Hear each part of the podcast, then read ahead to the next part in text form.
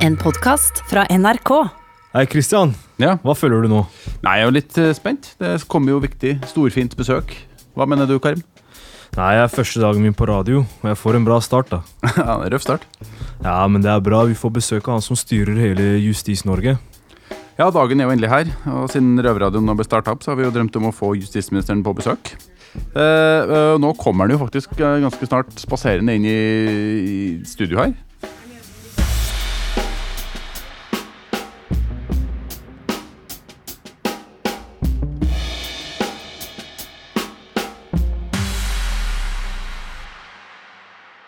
Uh, Gøran Kalmyr, hvert fall velkommen hit. Og jeg vil bare si at vi er fantastisk glad for å ha fått deg her. I løpet av de seks årene som vi har eksistert, så er du den første av disse justisministrene som vi har klart å få hit. Og hvordan føles det å være i Løvenes, Løvens hule i dag? Nei, det føles jo veldig greit ut, det. Ja. Det vi har hatt en eh, hyggelig eh, samtale innledningsvis. og Det er viktig for meg også å se hvordan eh, både de innsatte og ansatte har det på fengselet. Du er jo den største gangsteren i regjeringa Ja. som har turt å komme hit, for det har ingen av de forrige justisministrene gjort. Har ansvaret for, for de største gangsterne. Eh, Eh, vi fikk jo vite av fengselslederen at du skulle hit, og at du på en ga uttrykk for at du virkelig ønska å prate med Røverradioen. Hva er årsaken til det? Nei, jeg syns det er en veldig sånn, fint tilbud eh, til de innsatte. Eh, vi er jo veldig opptatt av at eh, fengselsstraff skal ikke bare være straff, eh, altså hevnmotivet. Eh, det skal også være en mulighet til å komme tilbake til samfunnet. Og så er det alltid en sånn balansegang eh, hvor mye man skal legge vekt på tilbake, altså det å ha rehabilitering og rehabiliteringstilbud, eh, kontra det at det skal være på en måte eh, også en opplevelse som gjør at man ikke har lyst tilbake til fengselet. Eh, og jeg tror vi har funnet sånn rimelig greit det balansepunktet i Norge. Kanskje i motsetning til mange andre land hvor man har veldig lite rehabiliteringstilbud. Så du, du syns at røverrådene er bra å ha, da? Som som oss? Ja, og det er en viktig stemme også, for at man eh, får jo frem eh, kanskje refleksjoner fra en litt annen side av samfunnet som man ikke er så vant til å få en refleksjon fra. Akkurat. Så det, det er viktig å få fram. Ja. Ja, eh, Vi har jo hatt ganske mange justisministre de siste årene, eh, og du er jo åpenbart favoritten vår. Siden du har kommet hit. eh, Først ut, det er en del innsatte som lurer på at det har blitt såpass store kutt i kriminalomsorgen. Og før du sier at det er noen totale bevilgninger har blitt større, etc., etc., for det kommer jo helt sikkert, så er det jo mye av pengene som går til spesielle prosjekter.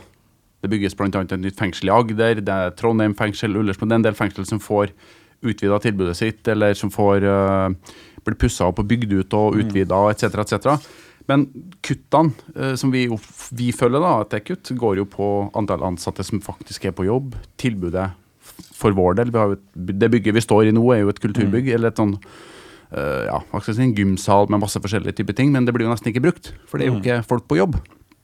Så spørsmålet er litt hvordan blir det prioritert, disse pengene, siden det kommer mer penger inn totalt, men vi opplever ikke Vi ser liksom ikke de pengene.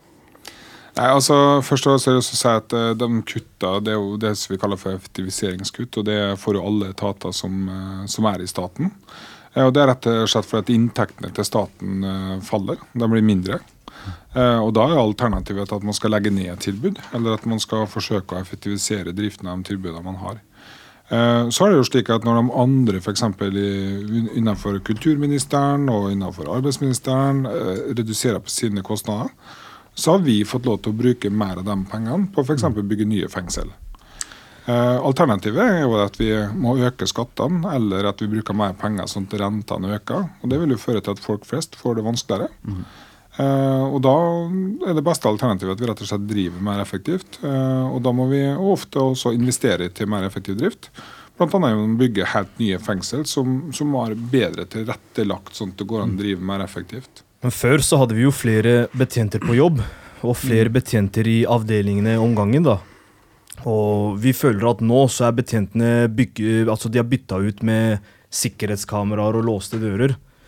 Og i hvert fall for de ansatte og innsatte her, vi føler at det er ikke akkurat riktig vei å gå da for Fengsel-Norge. Er det det, syns du? Jeg tror vi har eh, spesielle utfordringer, sånn som her i Oslo fengsel også. Eh, for det er et eh, gammelt bygg, og når dette fengselet ble bygd, så, så tenkte man jo kanskje ikke så mye på rehabilitering. Det var om å gjøre å få opp et bygg og så mest mulig selge i det bygget. Når vi bygger fengsel nå, og det nye Oslo fengselet kommer til å bli bygd på en helt annen måte, der man tilrettelegger for eh, ja, aktiviteter på en helt annen måte, som gjør det at man kan gjøre det. Eh, Sjøl om man på en måte ikke er altfor mange ansatte. For det å ha ansatte det koster veldig mye. Eh, hver fengselsplass i Norge koster over 1 million kroner i året. Mm. Og så klart Det at det er begrensninger for hvor mye penger man kan bruke på per fengselsplass. For folk syns at det begynner å bli for mye. Eh, sånn at det er hele tiden en balansegang. Eh, og jeg mener det at vi må drive effektivt, men samtidig må vi ha gode tilrettelagte bygg, sånn at vi kan eh, drive med god rehabilitering. Men, men, man vil jo ikke drive effektivt på bekostning av de innsatte? Ja, Det er jo slik da, at man må jo sette hva skal man si, tæring etter næring. Man mm. kan ikke bruke mer penger enn det man har. og så må man prøve å drifte mest mulig fornuftig innenfor de budsjettene man har. Alternativet er at man må øke skattene for at man skal bruke mer penger på hva skal man si, fritidsaktiviteter for fanger. Det er ikke sikkert at folk syns det er like interessant. Nei, men er, folk skal jo få eh, en av oss som nabo, da. Ja, det er Kanskje riktig. i morgen eller om ett år eller om ti år, ikke sant. Så altså Nei. Det er riktig, men hvis man ser det norske tilbudet eh, i forhold til utenlandske tilbud, mm. så er jo vi i Norge milevis foran de fleste andre. Vi gir et mye mer rehabiliteringstilbud. Vi har mye mer fokus på det i norske fengsel. Så skal jeg være den første å innrømme at de skulle gjerne ønske at vi kunne gjort mye mer. Mm. Eh, men jeg også må forholde meg til budsjettet vi får. Eh, og vi kan ikke begynne å skru opp skattene for folk. Eh, sånn at folk flest eh, må jobbe mer, eh, må ha mindre fritidstilbud hjemme fordi at vi skal betale for at dere fanger skal ha mer fritidstilbud her. Nei, for det, det, går litt på det her med disse kuttene. og Nå sitter vi i Oslo fengsel. Det er et veldig spesielt fengsel, og det er selvsagt ikke representativt for hele Norge. Men det er disse kuttene vi har følt på her i forhold til isolasjon, hvor innsatte blir satt 23 timer på cella mm. uten vedtak. Noe som i mange andre land ville ha vært ansett som straff. Eh, til og med amerikanske fengsel hvor innsatte kan gå mye mer fritt ut. Eh, hvor man blir satt på 23-1 hvis man har gjort noe galt i fengselet. Men her er det liksom standarden. Så hva er liksom tankene rundt at det, er, at, at det blir brukt såpass mye? da? Jeg er klar over det at uh, mange andre land har uh, hva skal man si, mye mer åpne fengsel. Men uh, da skulle dere sett rapportene hvordan man ser på menneskerettighetene i de fengslene også. Ja, for der er jo sikkerheten ekstremt mye lavere for de innsatte. Mm. sånn at det er en bakside ved det også. Det er som når jeg snakka i FN en gang om norsk isolasjon, at det tok vi på alvor så skjønte mange andre land ikke helt problemstillinga, for de har jo 50-60 stykker på cella. Eh, det er jo kanskje det er jo fullstendig det andre ytterpunktet, mm. men, eh, men, jeg tror nok det at vi har ganske gode vi har ganske gode ordninger for norske fanger, i motsetning til mange andre land. Eh, det er nok ikke der eh, hovedproblemet ligger. Hovedproblemet er at vi er ikke gode nok på dette med isolasjon. Og et av de store problemene her i Oslo fengsel mm. det er at bygningsmassen ikke er tilpassa til det. Eh, og Derfor så har vi i statsbudsjettet for 2020 bevilga 17 millioner til å begynne å planlegge et nytt Oslo fengsel. Mm. For det er vi nødt til å ha. For at vi, Uansett hva vi gjør her nå, så kommer vi ikke i mål før vi får et mye mer tilrettelagt fengsel. Hvis vi skal gå over til et annet tema, ja i forhold til å redusere ungdomskriminaliteten her i Oslo, det har vært et stort tema nå i det siste mm. tida med masse uh, saker som skjer, store saker som skjer. Uh, du har jo sagt at du ønsker å på det, ønske, uh, i ungdomskriminaliteten er en mangel på straffereaksjon. Det har vært én av årsakene. Eh, og Derfor ønsker du å opprette tre ungdomsceller i Eidsberg fengsel. Kan du fortelle litt mer om det prosjektet der? Ja, Når, når jeg tenker mangel på straffereaksjon, så tenker jeg ikke bare fengselsplasser. Mm. Eh, det er viktig å understreke det. Det som jeg har vært opptatt av, det er litt av det som dere nettopp har spurt meg om, dette med rask reaksjon. Eh, fordi at eh, Hvis det går to år eh, for en 15-åring før man får en reaksjon, eller en 16-åring, mm. så er to år av en 16-årings liv det er fryktelig lang tid. Ja. Og Det er ganske mange viktige ting som skal skje på de to åra. Det, liksom, det, er da man skulle tatt de to åra på videregående. Mm. sånn at Der er det jo enda viktigere kanskje enn mange andre plasser at det skal skje raske reaksjoner. Uh, og at uh, det jeg har vært opptatt av, er at det må, det må, skje raskere, at man får den første reaksjonen. Eh, og så må vi se på det som vi kaller for ungdomsstraff, eh, som ikke er en fengsling, men som er et program eh, hvor man blir satt til at man skal følge f.eks. at man ikke skal bruke narkotika, at man skal gå på skolen, og at vi skal gjøre dette til en, til en, dom, rett og slett. At man blir dømt til ungdomsstraff, sånn at det ikke lenger er sånn at bare de som samtykker til det, får det. Eh, og hvor man da får en tettere oppfølging. Man bor jo hjemme, eh, man går på skolen sin, man er ikke i fengsel. Uh, og det har jeg trua på at den, den type oppfølging kan funke bra. Men så har vi dem som er da ekstreme gjengangere. Mm. Uh, som da får med seg de andre helg etter helg.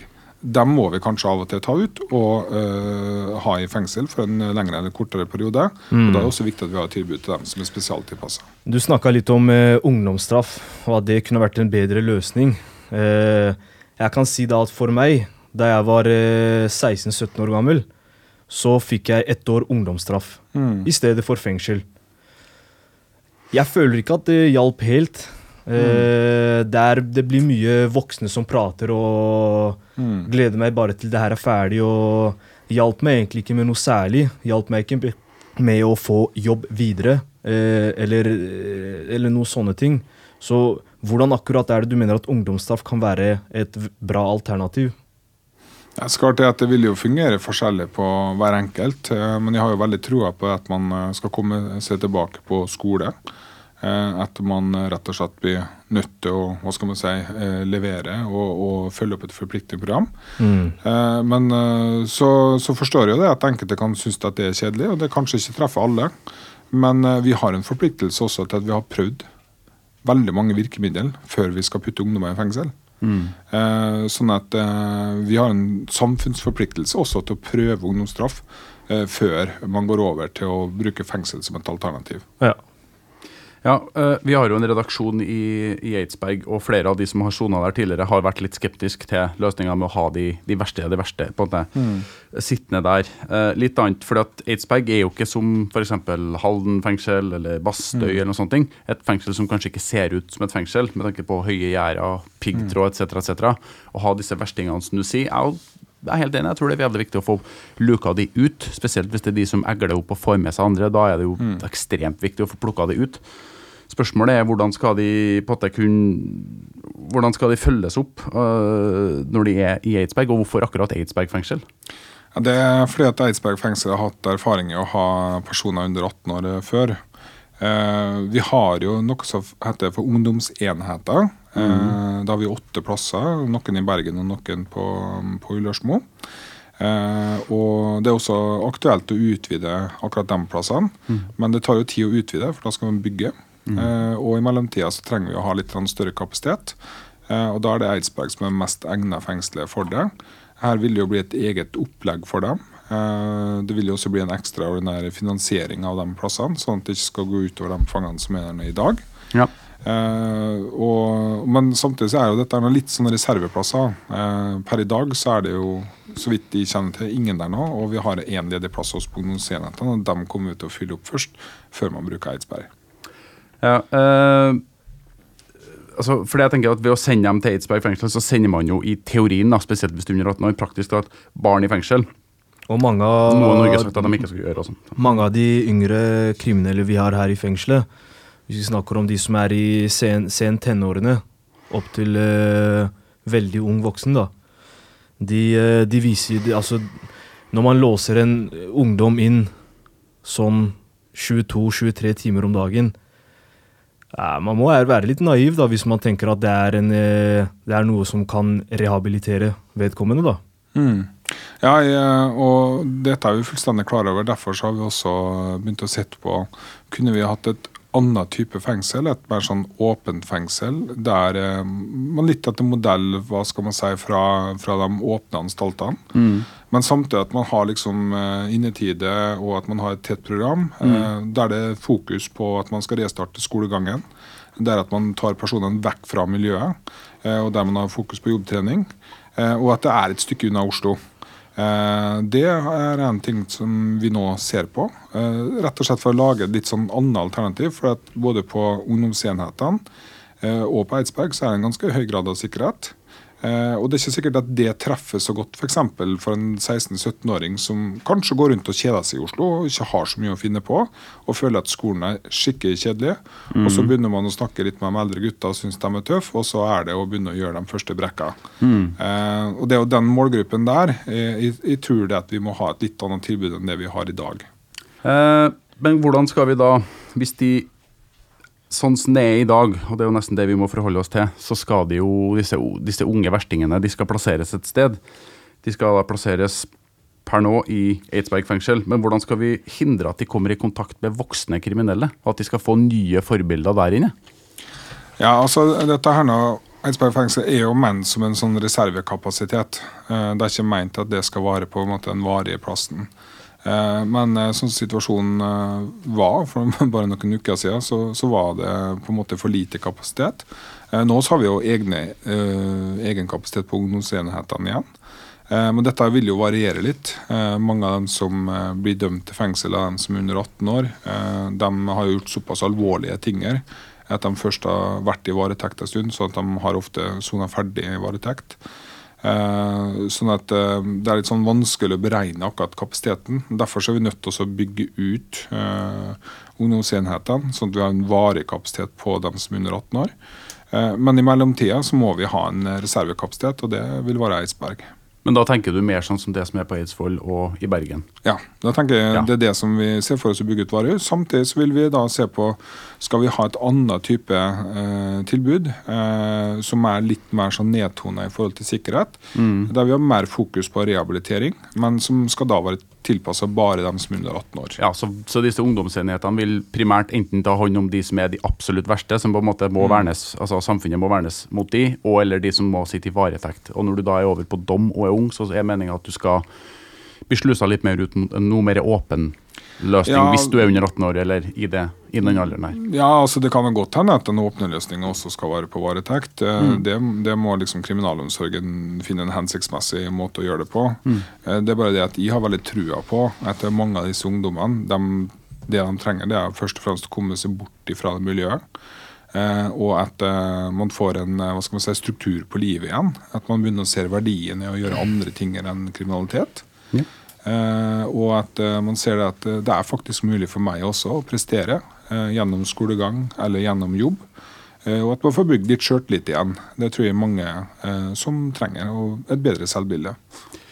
Yes, Da er vi litt ferdig med det med ungdomskrimmen og den biten her. Så jeg tenkte egentlig bare å kjøre litt videre på et litt annet tema her, og det går på Tidligere så har du snakka om å utvide eh, muligheten for å beslaglegge eiendeler hvis det er mistanke om at disse er anskaffa på uredelig vis. Kan du fortelle litt mer om det? Ja, altså Det som har vært veldig viktig, det er jo det at ikke de som uh, kjører rundt med en, uh, hva skal man si, en feit bil, har feite gullkjeder, gullklokker, Rolex-klokker, som er anskaffa ved hjelp av f.eks. narkosalg, at ikke de skal få lov til å være forbilder til morgendagens ungdom. Uh, F.eks. i Groruddalen. Det er så mange uh, minoritetsungdommer som er kjempeflinke på skolen, blir advokater, leger, tannleger, alt sånt der nå. Jeg ønsker at det er dem som skal være forbilder. Eller dem som er elektrikere, rørleggere, som sliter fra morgen til kveld, men som rett og slett brødfø sin familie. Det er de som skal være forbilder. Men hvor ligger terskelen for å frata folk eiendeler? Ja, altså den Terskelen skal jo ligge på at det, eh, må jo være sannsynliggjort eh, mm. at dette her nå stammer fra kriminell virksomhet. Ja, Så hvis en person eh, kjører forbi Stovner med en BMW M5 og har Rolex på hånda og blir stoppet av politiet, og politiet tror at den klokka er eh, kjøpt for kriminelle penger, er det sånn at politiet kan ta den på stedet? Så langt har vi ikke kommet faktisk i vurderingene ennå. Men uh, ut ifra det forslaget som vi har uh, sagt, så, så, vil det jo ikke være det. For det, det, må, det, må, ligge noe mer bak det. Det må ligge en slags etterforskning eller en slags utredning. Ja. Men så klart det at hvis du kjører og du går på Nav, mm. og f.eks. er sykemeldt eller du er eller går på sosialen da, og ikke har noe inntekt, og du har en Rolex-klokke til 500 000 da skal du være god til å forklare det. Så da, da kan man f.eks. ta den Rolexen? Ja, og da ville den beslaglagt inntil man har fått avgjort om man faktisk har hjemmel, altså om man har lov til å beslaglegge den. Men er ikke, det, er, det, er ikke det litt problematisk at man da beslaglegger en klokke uten direkte bevis på at den er skaffet med kriminelle penger? Altså nå, altså I Norge så er det jo sånn at man er jo uskyldig til det motsatte er bevist. Og blir ikke det litt feil? Ja, men jeg syns også det er feil det at uh, man skal kunne rett og slett uh, selge narkotika. Uh, skaffe seg symbolverdier og, og statussymboler. og tiltrekke seg andre ungdommer til å komme inn i det kriminelle nettverket med å flashe disse verdiene. for Det gjør det at mange tror det, at det beste her i livet det å kunne bli kriminell. Men all erfaring tilsier at det er ikke særlig holdbart på lang sikt. Nei, men nå, men nå har vi jo ikke snakka om en person som er kriminell. Vi, altså, vi snakker om hva Ja, vil- en, for eksempel en vanlig vilkåret, vilkåret er jo at man må ha sannsynliggjort at dette stammer fra en kriminell handling. så, Ja, akkurat. Men uh, uten da direkte bevis. Man, man, man går på følelser. Nei, altså hvis man har sannsynliggjort det, så må man Mm. jo ha bevis. Så man må ha direkte bevis, da. Ja, altså Det som er forskjellen da, på f.eks. strafferettslig bevis og det som er forskjellen på forvaltningsmessig bevis, det er jo at eh, i en straffesak så må du ha bevist utover enhver tvil at eh, denne klokka her nå stammer fra f.eks. det og det narkosalget. Eller at eh, det er narkosalg som er finansieringskilden her nå. Mens på et forvaltningsmessig bevis må du kunne sannsynliggjøre med mer enn 50% sannsynlighet. Eller det kan også hende at man setter vilkåret på kvalifisert sannsynlighetsovervekt. At det må være 75% sannsynlighet det er anskaffet pga. Kriminelle, kriminelle handlinger. Ja, og det, det er jo litt det det går på. Eh, jeg er for så vidt enig med deg i at eh, hvis du går og flasher rundt med disse tingene, der, så bør man ha mulighet til å se på ting. Men jeg personlig ser hvorfor du og justisen ønsker å se litt på det. Problemet mitt er mer prinsipielt i forhold til rettsprinsippet, med at du tross alt skal være uskyldig inntil det motsatte er bevist. Og jeg blir veldig litt redd for at hvis det er mandatet da, til å gå rundt og å ta ting og begynne å beslaglegge ting og sånne ting, blir satt til politiet, og er politiet sjøl som skal gå rundt og, og styre det grann her. Da tror jeg det kan være enten noen som er trigger-happy, eller på annen måte begynner å beslaglegge ting, og så blir det liggende kanskje på et politikontor i månedsvis inntil du klarer å bevise at jo, den klokka fikk jeg faktisk av faren min. Jeg arva den, han kjøpte den i Irak for 40 år siden, liksom, og det er jo kul umulig å få bevist det. Det finnes jo ikke noe kvittering, det finnes ingenting. Så ja, du er dømt for narkotikasalg. Du har, vært, du har flere dommer på deg, du har blitt arrestert av politiet. Det er masse støff eh, som du har på deg. Men den klokka er faktisk ikke anskaffa gjennom ulovlige midler. Og da bryter det litt med noen rettsprinsipper hvis politiet bare kan gå om og ta den. Og det blir din jobb, du må bevise at du ikke har gjort noe galt. Ja, men, eh, men det er også slik da, at for eksempel, hvis du da er mottaker av sosialhjelp, eh, så har du en forpliktelse for eksempel, til å skulle selge den klokka og livnære deg sjøl før du mottar sosialhjelp. Yes. Så dette er nå må vi se i en sammenheng. Mm. Når det gjelder sosialhjelpen, så er jeg for så vidt helt enig i det. Men du, nå, nå, nå har vi jo snakka litt om eh, litt politiske greier. Eh, og det er jo enkelte politikere og tidligere justisministre som eh, ikke har eh, helt eh, rent rulleblad. Vi dømmer ingen. Men hva slags kriminell fortid er det du har? Har du blitt tatt for noen fartsbøter eller eh, småtull med skatten eller Eller noe fyllekjøring eller pisse på gata eller Ja, altså, Som advokat så måtte du ha rent eh, rulleblad, eh, Mm. for du måtte ha god vandel. Jeg har vært advokat før. Eh, og, eh, men jeg har nok fått noen forenkla forelegg ja, for eh, å kjøre for fort. Eh, og det har blitt en god del, jeg må innrømme. Yes, vi har fått Tesla, vet du. Så, Ja, det er fort gjort der. Det er fort gjort med Tesla. for fort gjort. Eh, vi har jo grilla deg litt nå, så vi tenkte at det er bare fair at du får stille noen spørsmål tilbake til oss òg. Så det er egentlig bare å, å fyre løs.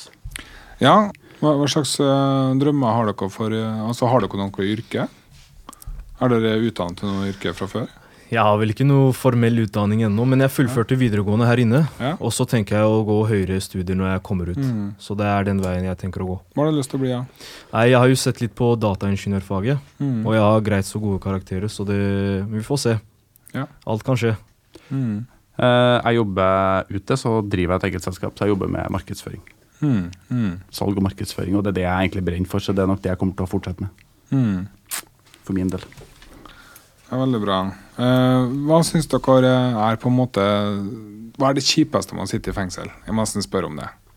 Ja, for min del så er det, det er jo den åpenbare det som er straffen, det er jo frihetsberøvelsen. Mm. Det å ikke kunne få på en måte gå hvor du vil og sånne ting. Og så syns jeg det at forskjellen mellom inne og ute har blitt så stor. For jeg, så, jeg, var jeg var, har vært en av disse veldig unge i fengsel. Jeg sona på begynnelsen av 2000-tallet. Så sona jeg og var veldig ung, men da syns jeg forskjellen mellom inne og ute var vesentlig mindre enn det den er i dag.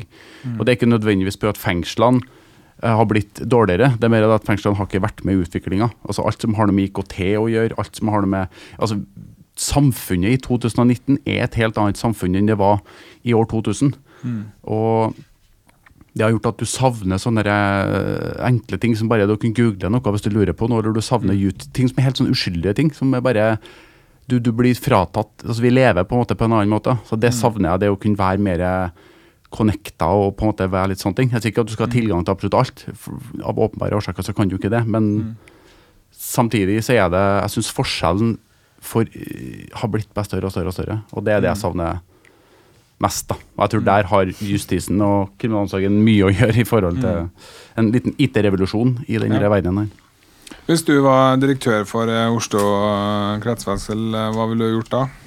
For en dag? Nei, nå, nå, nå, ser jeg på Du får ikke lov til å slippe deg sjøl ut, da. Nei, ok.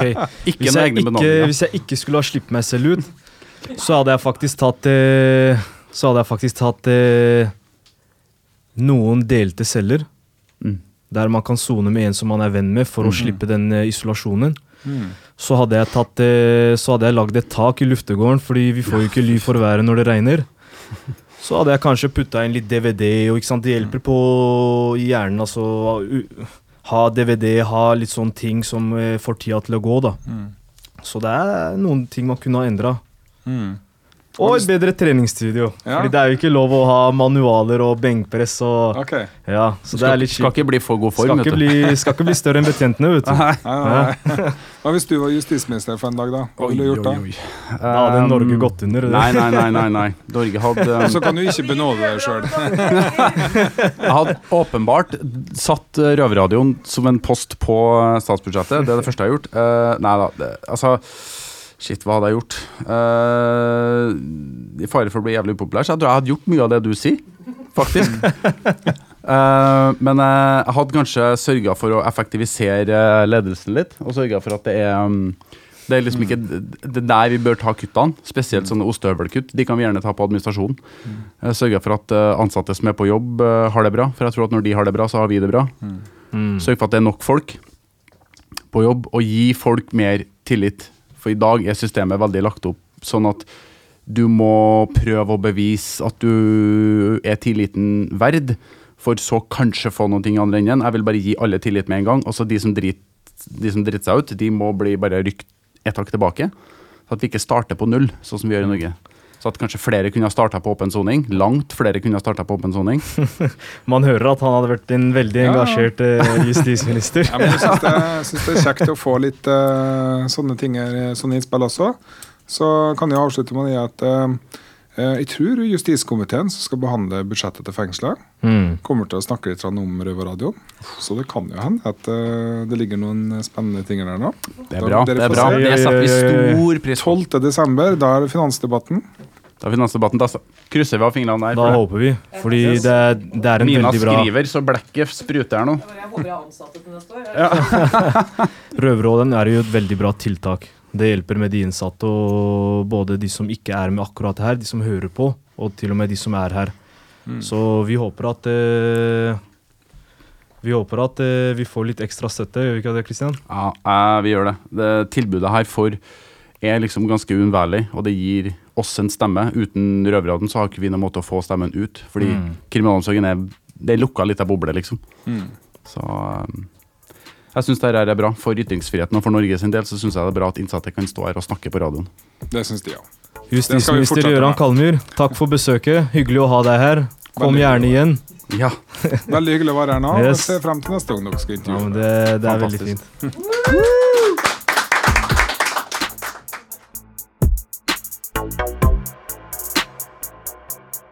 Røverradioen er laga for og av innsatte i norske fengsler. Tilrettelagt for streitinger av Rubicon for NRK.